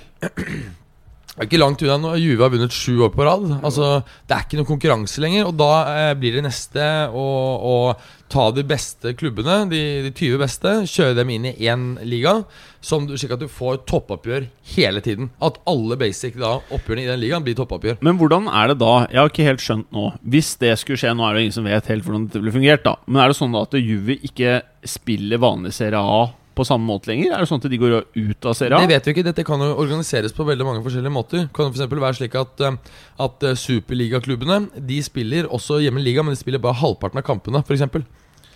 Da er det mulig å, å, eh, at de spiller da både hjemme og ute. Men hva tenker du, Morten? Tenker du at det er mest naturlig at disse topplagene i gåstegn da For det er jo et topplag City var ikke topplag før det plutselig var noen som bestemte seg for at det skulle bli et topplag. Eh, er det slik at eh, du ser det mest naturlig at Bayern München går ut av Bundesliga? Eller?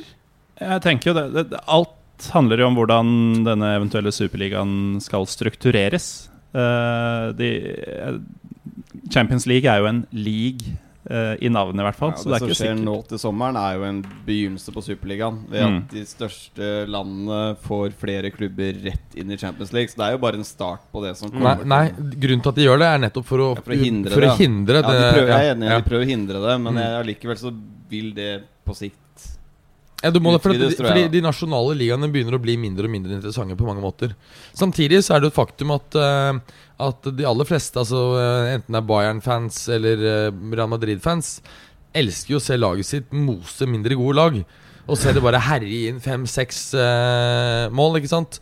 Og, og den biten vil jo forsvinne hvis du tar disse beste lagene ut, og at ikke de spiller i noen form for hjemlig liga i det hele tatt. Det blir i hvert fall et sykt kommersielt TV-produkt, dette her. Ja. Og hvis, hvis det er premisset, hvis det er sånn at du kan selge denne superligaen for vet ikke, tre-fire ganger det du selger Champions League for nå, så, så er det vanskelig å se for seg at det ikke skjer. Kanskje? Og så er det ett element til her, og det er at uh, hvis vi går 20-30 år frem, så er det naturlig å tenke seg at eh, den nordamerikanske ligaen, altså eh, USA og Canada, MLS, vil kunne bli en fantastisk liga. Rekrutteringen nå i Men du, du, du, USA det der, det der, Jo, der men, eh, nei, der, det har folk sagt ferdig. nå Nei, de nei, nei, siste nei, nei, nei. 15 årene. Det er nei. amerikanske ligaen. Det er bare ræl! Nei. Det er Masse. Stoke. Nei, nei, nei, nå skal jeg fortelle deg driveren her. Stoke og skal Brom, hele ligaen. Nå, det var noen som mente for eh, at det kommer til å bli så stort med en gang etter de hadde hatt VM. Men det de må huske på, er at nå er, og det har det vært i ca. ti år, den suverent største sporten blant barn og unge å drive bedrive med, Det er fotball. Men den store effekten i kommersiell interesse Den kommer når den generasjonen har blitt voksen. Det er hele poenget. Derfor at det tar noen tiår. Eh, og når du da ser på, på den enorme sportsinteressen og ikke minst rekrutteringen og hvor gode USA er i sport, så er det naturlig at det vil selvfølgelig bli, kunne bli en trussel. Faktum er at også øh, hvis, Nå har Xi Jinping, presidenten i Kina, har jo satt i gang store programmer da, da snakker vi liksom 300 millioner små kids som skal prøve å bli gode i fotball. Da har du en sånn talent, potensiell talent pool, og de, de, pisker dem knallhardt. Ikke sant? Jo, men poenget er, ja, du, må se, po du, du, må se poenget her er, er, at på et eller annet tidspunkt så vil du få press utenfra av at det er andre gode ligaer. Og da vil selvfølgelig det legge økt press på eh, å skape en superliga også i Europa. Så, det, så det, det, det, det, kommer til å skje i vår levetid med omtrent 100% sannsynlighet. Skal jeg fortelle noe helt sykt? Vi prata egentlig om Bundesliga, ja. og så bare tok vi over. Jeg begynner å bli vant til å bli motsatt Bundesliga-segmentet mitt, som bare jeg tydeligvis er interessert men, men, i. Men skal jeg fortelle deg? Jeg syns Bundesliga-segmentet er veldig morsomt. Jeg, jeg erter deg litt. Jeg syns det er veldig gøy, faktisk. Jeg syns jeg har merka å plukke opp uh, noe av det ja. tidligere. For jeg syns det er veldig interessant. Den raser alltid nedover ja. en plass på rankinga over ja. ligaer hver uke. Altså, vi tuller litt, da. Men det er veldig interessant. Ja. Hva vil du vite om Bundesliga? Ja, Den øvre delen, da. De der. Eh, angivelig gode lagene. Det er jo um, Jeg mener at Borussia Dortmund er klare for Champions League. Teoretisk oh. sett så er det ikke det. Um, men det er da, hvis vi er litt snille, så er det fire lag som kjemper om uh, to plasser, da, hvis vi tar med Borussia Dortmund. To av disse møtes jo. Uh, Hoffenheim mot Dortmund. Uh, alle kampene går nå på lørdag, dvs. Si i morgen klokka halv fire. Går det bra hjem? Hva er det? Ja, ja. Nei, Hoffenheim-Dortmund. Eh, Her kan jo Hoffenheim eh, ta ting i sin egen eh, Eller de har ting i sin egen hånd. Fordi med tomålsseier så vil de gå forbi Borussia Dortmund og da være sikra Champions League-plass, uavhengig av hva de andre lagene gjør. Det har blitt fire uavgjorte på rad når Hoffenheim har tatt imot Dortmund. Og de har ikke slått Dortmund siden mai for fem år siden. Eh, men inntil i forrige uke, da Hoffenheim litt uforklarlig tapte for Stuttgart, så hadde de vært ubeseira fra 17.2. Eh, helt rå form, nesten tre måneder uten eh, tap, og banka inn mål. Samtidig som du ser et Borussia Dortmund som aldri helt har fått flytsonen denne sesongen, og tapte jo hjemme for Mainz, som med det redda sin plass for øvrig, i forrige runde. Så at skjærer seg litt for Dortmund, og at Hoffenheim får inn to skåringer. Det er slett ikke umulig. Men uh, det skal jo litt til, da. Fordi selv med tomålstap her, så er det ikke sikkert at de andre lagene bak Dortmund gjør jobben sin heller. Uh, og der har du bl.a. Leverkosen, som tar imot uh, Hanover. Og Hanover har jo De kan i beste fall bli nummer 11, tror jeg det er. Det er null motivasjon, og pga stridigheter faktisk eh, omkring klubbens eh, forhold til 50 pluss 1-regelen, som vi snakka om, eh, så kommer heller ingen særlig bortestøtte å snakke om. Men er de tvunget til denne regelen, eller er dette det frivillig hos hver enkelt klubb? Kan de selv omdanne seg til et rent aksjeselskap, slik de aller fleste klubber i Europa er strukturert? De kan ikke det, men de kan gå inn for å Altså, de har jo et fotballting i Tyskland, som de, som de også har i Norge. Og um, de kan gå inn for at sin egen klubb skal ønske at den regelen skal fjernes eller endres på. Uh, og de kan da fremlegge det som forslag. Uh, og det er det Martin Kint uh, ønsker å gjøre, da, men han får jo ikke med seg klubbens styre, årsmøte på det, siden han ikke har mer enn 50% av støtten. Men uansett, det er jo Leverkosen dette handler om. Hanover er bare en brikke i dette spillet. og den vinner de lett. Den vinner de lett. Uh, jeg har skrytt mye av Bayer Leverkosen denne sesongen, da, men den siste måneden har faktisk vært fæl. De har ett poeng på fire siste, to 11 i målforskjell. Uh, men, ja, betyr det at han Leon Baileys eh, form også har stagnert litt, eller? Alles form alles. har stagnert litt. Men du, mye mer interessant det der. Jeg tipper alle syns også det er, det er überdølt, det som skjer på midten av Bundesliga. Hvordan tror du han nye treneren til han Kovac blir i, i Bayern? Er det slik at det kan gjøre at uh, de andre lagene her uh, vil kunne ha en sjanse? Nei. Fordi de er så langt unna, alle sammen.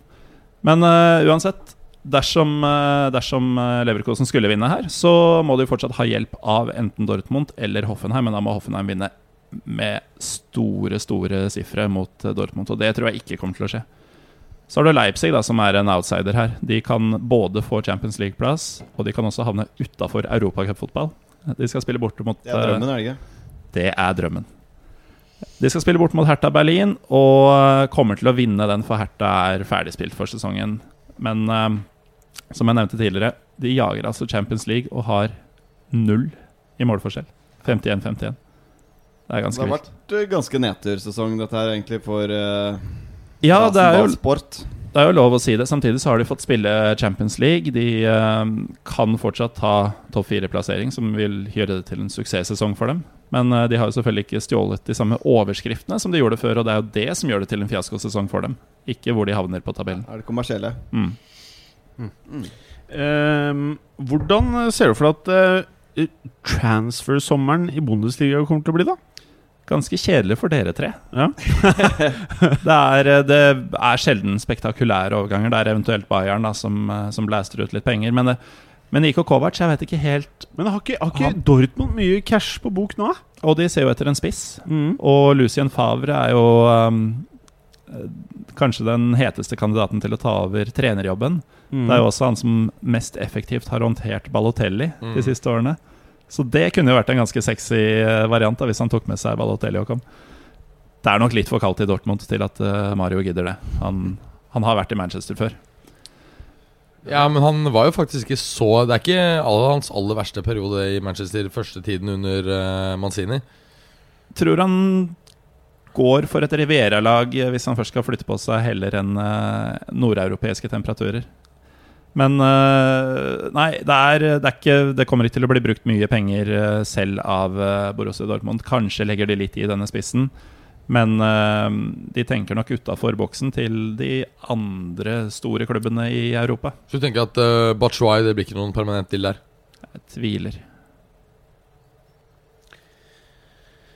Ja, Det er jo veldig rart. da Er det fordi Chelsea priser ham for høyt? Er det det som er ja?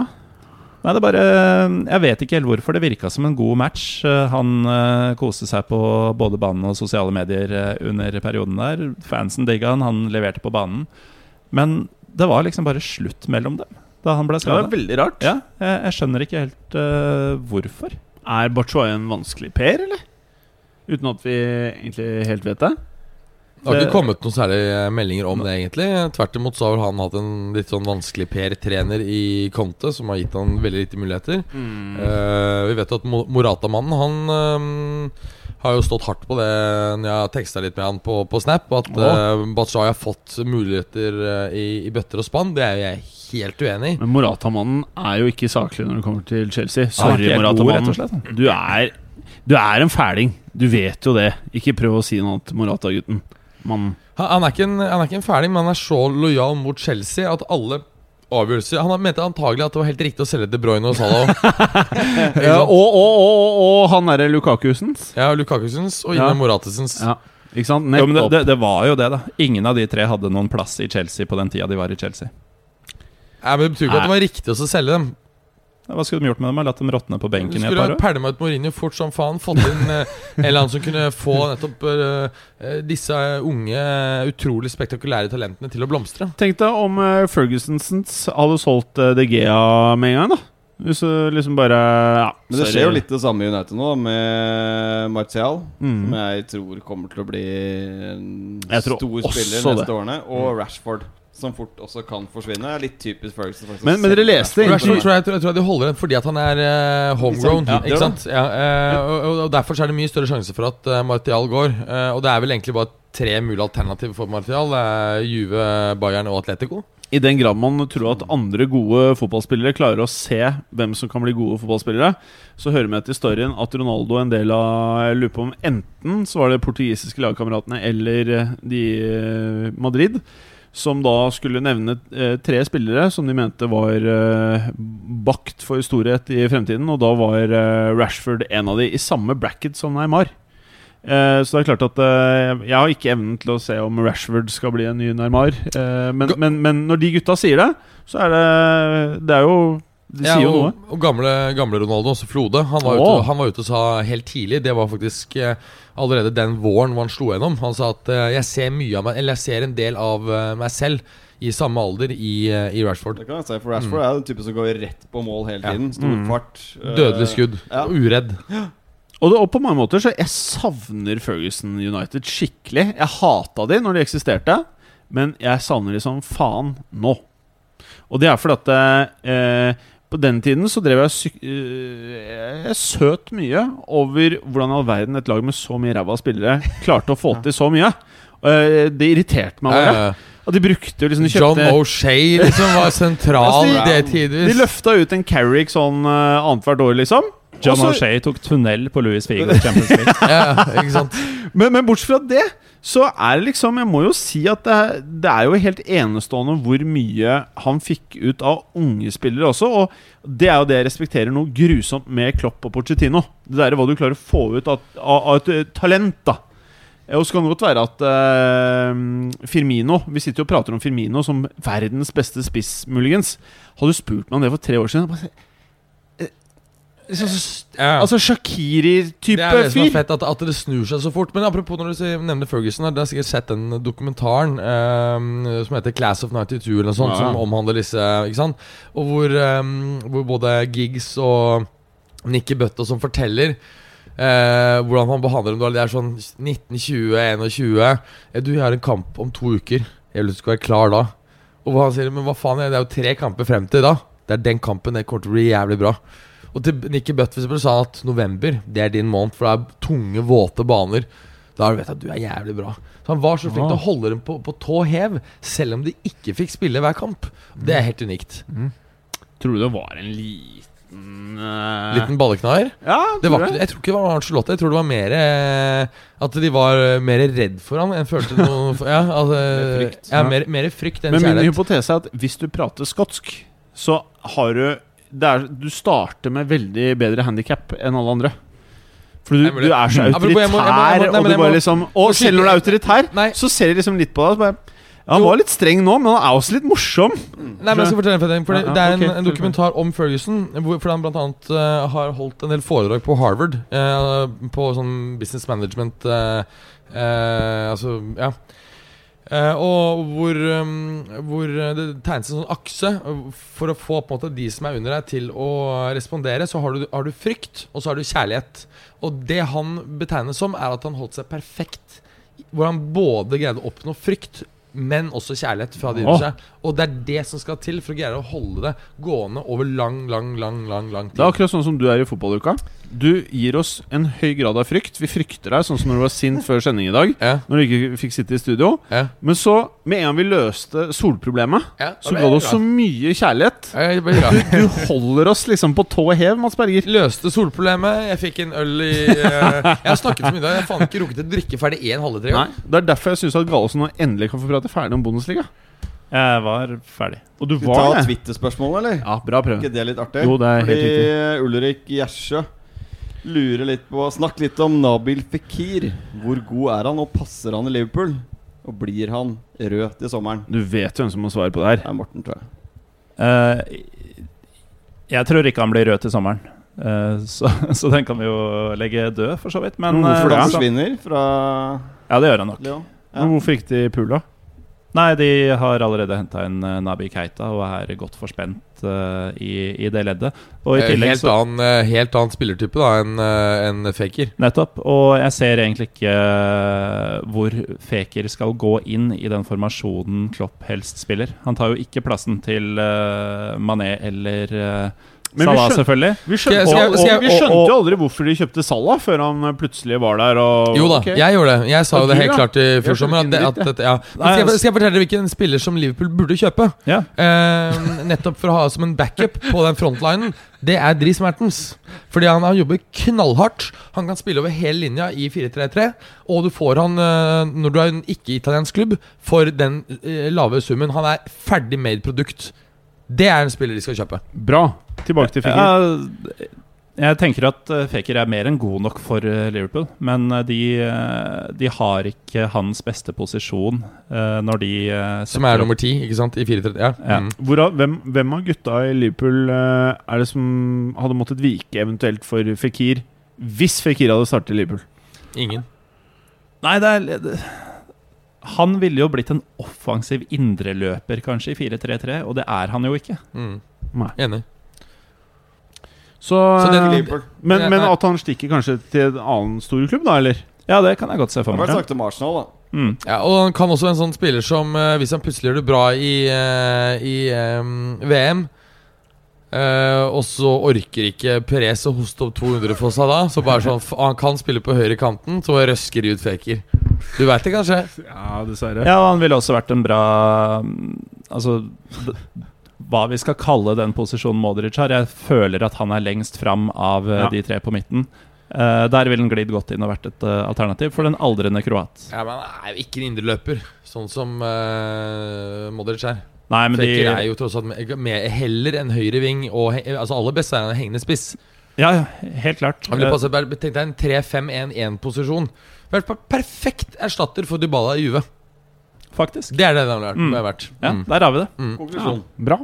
Nå jobba dere bra sammen. Veldig bra, gutter. Perfekt blanding av frykt og kjærlighet. Og enda en Fra franskmann inn, da. Ole eh, Det blir mye franskmenn. Ja, men det liker vi uh, i Juve. Ja, gjør dere det? Og så vet uh, Hvis Dybala gjør det bra i, uh, i VM, kan det fort være at han blir erstatter uh, Altså erstatter Benzi i Real. Ja, nå, nå er jeg litt kald jeg på Dybala. Ja. Dybala kommer til å sitte på benken for Argentina i VM. Ja, ja. Altså Jeg er høy på cellen, det er derfor jeg prøver å pushe case her nå. Ja, Nå må du kjøre han bort til Liverpool for de der Salah-pengene. Tror ikke han passer i eh, Premier League. Neste prøven. Uh, Ole Henrik Bakken, uh, åpenbart United-supporter. Hvilke spillere burde Manchester United kjøpe til sommeren?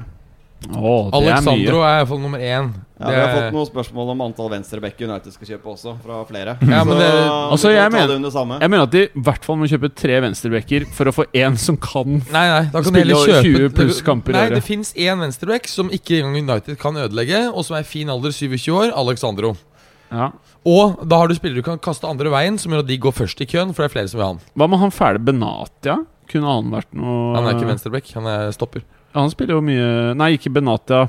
Hva heter han på Bayern? Han som Pep henta. Han Ja, Bernat. Bernat. Bernat. Ja, ja. Bernat. Kunne han vært noe?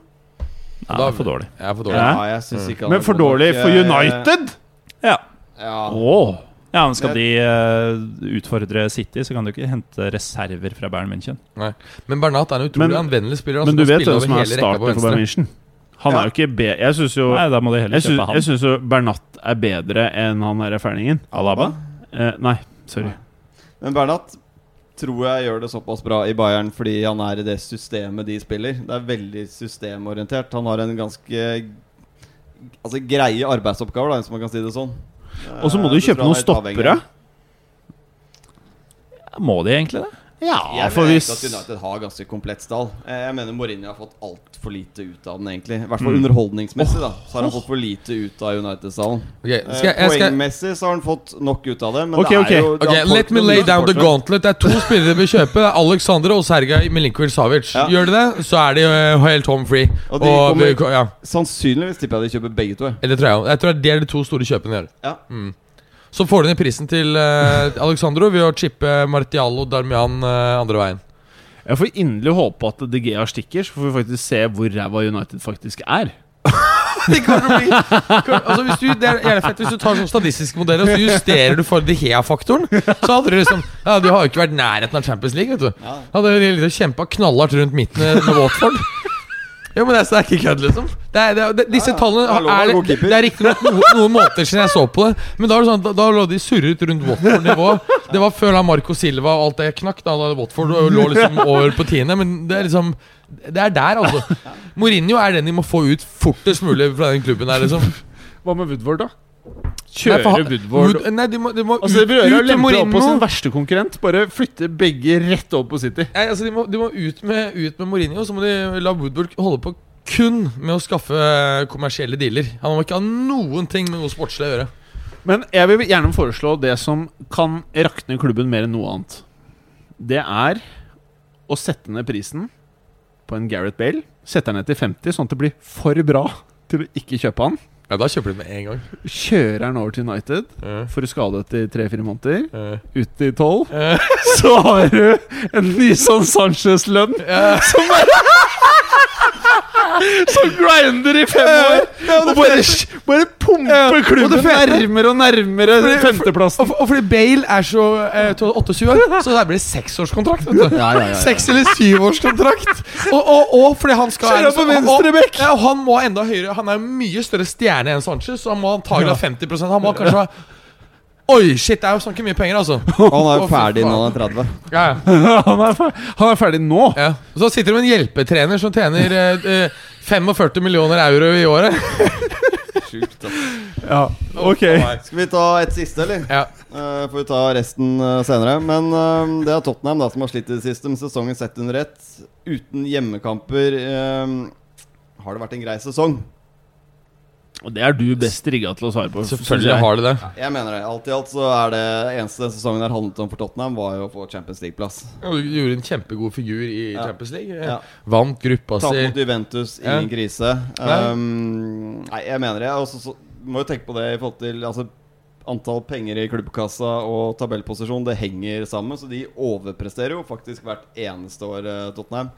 Jeg syns kanskje dette har vært den mest imponerende sesongen til eh, Pochettino, i og med at de har spilt alle matchene på Wembley. Uh, som sagt, uh, altså hjemme i fjor på White Hart altså hadde de 17 seire og to avgjort og ingen tap. Uh, nå har det vært 14 seire på Wembley denne sesongen her. Får de tilbake den hjemme Hadde, en, hadde de spilt på White Hart Lane denne sesongen, så er jeg ganske sikker på at Tottenham hadde endt på andreplass. Har du noen ord til de Tottenham uh, i Gåstein-fansen som eh, klager på Pochettino nå? Og som uh, er Pochettino ut Hva er det de driver med? Nei, Da mener jeg du er helt historieløs. Da har du blitt eh, Tottenham-fan for to år siden. Det er det du har fått med deg. Eh, hvis du har fulgt med Tottenham de siste 30-40 årene, så har vi ikke vært i nærheten av det nivået her eh, som vi er på nå. Det stabilt høye nivået. Men det syke er Vi har hørt, hørt litt på et BBC-radioprogram eh, hvor det har vært noen innringere. Og da er det gamle Tottenham-fans som i fullt alvor et par- måneder tilbake sa at hvis ikke vi vinner FA-cupen, så må Pochettino gå. Altså det, Altså, For meg så er det altså så du- spinnvilt. Men det- det- da er de ikke klar over de økonomiske eh, bildet i fotball, ikke sant? Og, og hvor mye det har å si. Ja. Det er bare sånn der at De har sett at ting har blitt bedre og bedre og bedre, og bedre Og så venter de at på et eller annet tidspunkt så skal det resultere i et trofé. Men, men hør her det, det har vært fantastiske steg under, under Pochettino. Ja, jeg mener Sånn som økonomien i klubben er nå, så mener jeg topp fire. Hvis de klarer det hver en sesong, så er det en god sesong. Ja. For øvrig, den United burde hente, det er Danny Levi. Hvis, altså, hadde United røska ut Danny Levi og Pochettino, så skal jeg love at da hadde du fått eh, Da var faen eid Premier League, da. Ja, da hadde Real fått et problem i Champions League. Ja, dessverre. De gjør en vanvittig gode for Tottenham, Mm. de to gutta der. Så, Men- Men jeg har et spørsmål til Morten Gallosen. Ja, det har jeg faktisk. Eh, sett Europa under ett, og du er jo en av de jeg kjenner som har et eh, mest sånn allsidig bilde, kanskje, av fotball-Europa. Eh, hvilke klubber som eh, vi, vi kan ha prata om det, altså, men hvilke klubber er det vi eh, kanskje burde rette et ekstra fokus mot, som kanskje går litt under radaren, og som har hatt eh, fantastiske prestasjoner ut ifra utgangspunktet deres? Atalanta. Ja. Det er, eh, over de siste to årene i tar topp fem-ligaene Atalanta. Alt ble grabba fra dem i fjor. Dro de bare ut nye ting fra hatten. liksom Brain Cristante, som f.eks. ble avskrevet helt i Milan, sendt til Benfica, avskrevet der. Vært helt King Kong nå i, i dette året. De beholdt jo han Papi Gomez. Men de solgte jo mange. Eh, og så har de for så vidt beholdt Mattia Caldara på lån fra, fra eh, Juve. Men eh, Giampiero Gasperini, som tidligere har gjort det veldig godt med, med Genoa, men som mislykkes fullstendig, bl.a. i Inter, de har vært gode, altså. De spiller også ganske kul fotball. Og så til han som faktisk fikk spørsmålet. Morten Gallaasen. Ja, det er bra Berger eh, tok rollen som Morten Gallaasen der. Fordi eh, Atalanta er det ikke sikkert jeg hadde huska å nevne, men jeg er helt enig i det. Mm. Eh, enormt imponert over dem for andre året på rad. Uh, Marseille har også imponert meg veldig denne sesongen, fordi det har vært et så Det har bare vært et ormebol av kriser i så mange år, og nå er de omsider mer eller mindre tilbake der de skal være. De eh, Fordi Marseille er jo å betrakte som en storklubb, også i europeisk sammenheng. Første Champions League-vinneren noensinne. Um, fra Frankrikes nest største by. Uh, enormt stadion, ikonisk stadion. Voldsom oppslutning rundt laget. Uh, men det har vært mye tull der. Mye dårlig ledelse. Og nå har de både et, uh, en spillertropp og tilsynelatende en ledelse som, eh, som har en plan da, for veien videre. Så jeg ser ikke for meg at de utfordrer PSG allerede neste sesong, men det, det er veldig oppløftende å se at det skjer noe positivt, endelig, i, eh, i havnebyen. Noen andre lag, eller spillere for den saks skyld, eller trenere, eller noe i fotballverdenen som uh, trenger en liten sånn balleklem? Uh, ja, jeg blir jo oftest skuffa jeg over lag, og det hadde vært fristende å si Schalke, f.eks., som litt på samme måte som Marseille nå er tilbake i toppen av ligaen sin, der de, der de hører hjemme. Men som jeg prata om, alle tyske lag utenom Bayern har egentlig vært ganske dårlige i år. Mm. Eh, Schalke også. Og selv om de tar andreplassen og har sikra den, ikke bare Champions League-plass, men andreplassen allerede forrige uke, så har de egentlig ikke spilt så god fotball. Ja, men De har jo en veldig ung trener som prøver å finne sin identitet. og sånn, Har ikke det noe å si? Selvfølgelig. Og det er jo imponerende i seg selv at uh, en så urutinert uh, og ny trener som Tedesco har fått til dette med Schalke. Noe som mange trenere har prøvd før han de siste par årene. Mm. Uh, så all ære til han, men det er en lang lang vei å gå før jeg skal ta bejuble Schalke for fotballen de spiller. Til dere fæle lyttere, så er det sånn at etter sommeren så tenker vi i fotballuka å gjøre noe live performances rundt om i Norway. Det blir Så- spennende for alle. Men før det, hvis Ja. i denne, denne gangen så skal vi vel ha sendinger under eh, VM? Skal vi det? Ja, det har jeg forstått det slik. Ikke jeg. Kanskje. jeg visste ikke det. Men vi, vi, det finner vi ut av. Ja. Vi må ikke desorientere lytteren. Men det vi vet, at vi skal på Ja, for Jeg har jo tenkt, har bestilt billett av det, så jeg skal uh, rapportere direkte fra Portugal. Så vi får både den brasilianske og portugisiske stemningen direkte. For der er det jo en sånn miks av det. Så jeg har jo som satt av to uker som uh, utenlandsreporter. Ja, ja, ja. Og så kan du sende rapporter. Ja. ja, Veldig bra. Men kan jeg bare si det jeg egentlig skulle si? Ja. Fordi vi skal jo ut og gjøre litt lives etter uh, sommeren. Og kan ikke For at vi tenkte at eh, det er kult å Nå har vi gjort noe i Oslo. Det har vært gøy å gjøre noe i noen andre byer. Så kan ikke noen DM oss på eh, Twitter, eh, Facebook, eh, og komme med litt eh, Kanskje noe hint eller tips eller ønsker eller eh, til hvor nå enn dere eh, holder til. Og vi, går, vi reiser ikke til Kirkenes. Det er vel det eneste vi har bestemt her. Eller jo, vi, vi var direktefly. Til slutt. Ja, da må dere betale oss, da, for faen. Da drar vi kan, kan, Nei, vi gir ikke det. Så det blir Hokksund live, for å si det sånn. Det kler oss, da. Ja, det kler oss. Uh, ja, og med det Ha det. Ha det. Ha det. Ha det! Å ja. Ha det. Takk for at du gadd å høre på. Vi er Fotballuka på Twitter, Facebook og Instagram. Følg oss gjerne. Men bare få høre. Den tror jeg blir litt fet.